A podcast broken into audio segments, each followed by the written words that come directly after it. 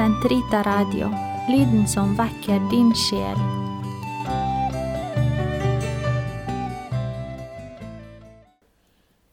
Den katolske kirkes katekisme, uke 15, onsdag, paragraf 1285 til 1292. Andre artikkel Fermingens sakrament.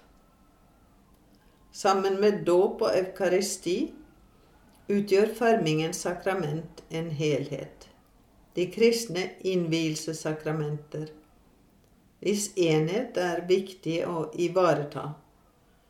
Man må derfor forklare for de troende at det er nødvendig å motta dette sakramentet, slik at dåpens nåde kan fullbyrdes. For ved fermingens sakrament blir de sterkere knyttet til Kirken, styrket med særlig kraft fra Den hellige ånd, og dermed strengere forpliktet til ved ord og gjerning å utbre og forsvare troen som sanne Kristi vitner. Fermingen i frelsesøkonomien. I Det gamle testamentet forkynte profetene at Ånden ville komme over den Messias de håpet på, for å sende ham ut for å bringe frelse. Da Den hellige ånd steg ned over Jesus etter at han var blitt døpt av Johannes, var det tegnet på at han var den som skulle komme, at han var Messias, Guds sønn. Han var unnfanget ved Den hellige ånd, og hele hans liv og sendelse fant sted i fullt fellesskap med Den hellige ånd, som Faderen ga ham uten mål og grenser. Men denne åndens fylde skulle ikke være forbeholdt Messias alene.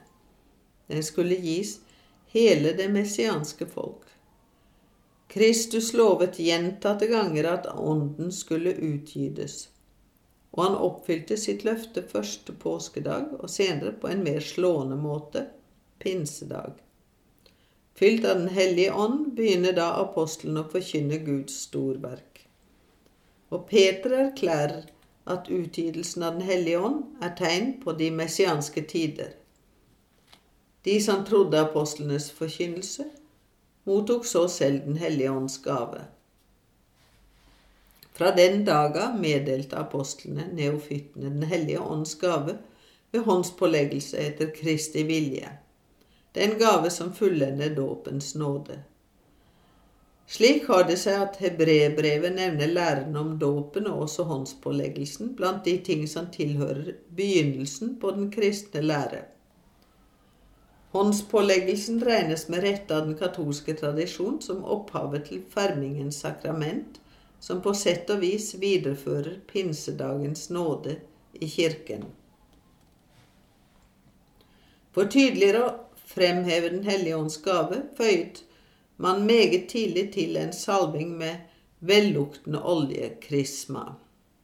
Denne salvingen peker hen på kristennavnet, for kristen betyr salvet og kommer av Kristi eget navn. Han som Gud salvet med hellig ånd. Og denne salvingsriten eksisterer den dag i dag både i øst og vest. Av den grunn kalles dette sakramentet i øst krismasjon, sal salving med krisma, eller myron, som betyr det samme som krisma. I vest antyder navnet ferming, konfirmasjon, både bekreftelse av dåpen, noe som fullbyrder den kristne innvielse, og styrkelse av dåpens nåde. Alt dette er Den hellige ånds gaver. To tradisjoner, øst og vest. I de første århundrer er fermingen vanligvis del av én feiring sammen med dåpen.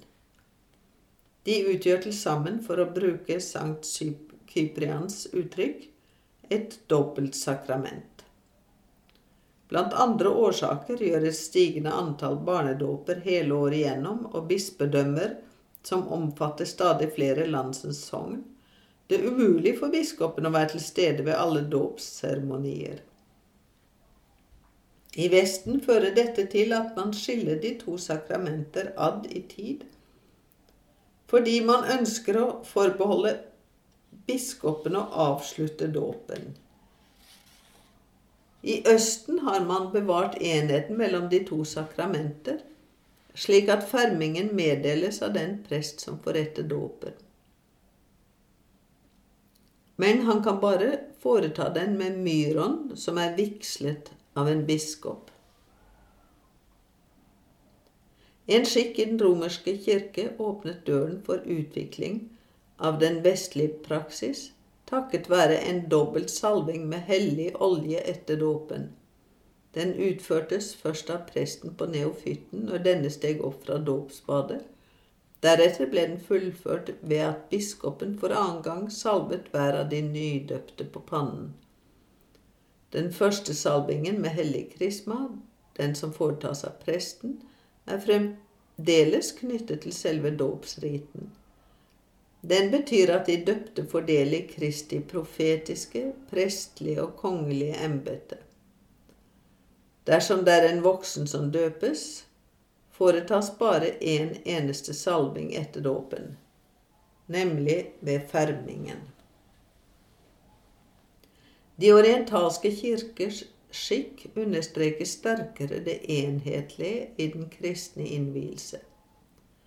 Den latinske kirkeskikk legger klarere for dagen det fellesskap nye kristne står i med sin biskop, som garanterer og tjener sin kirkes enhet, katolisitet og apostolisitet, og dermed forbindelsen bakover til Kristi kirkes apostoliske opphav.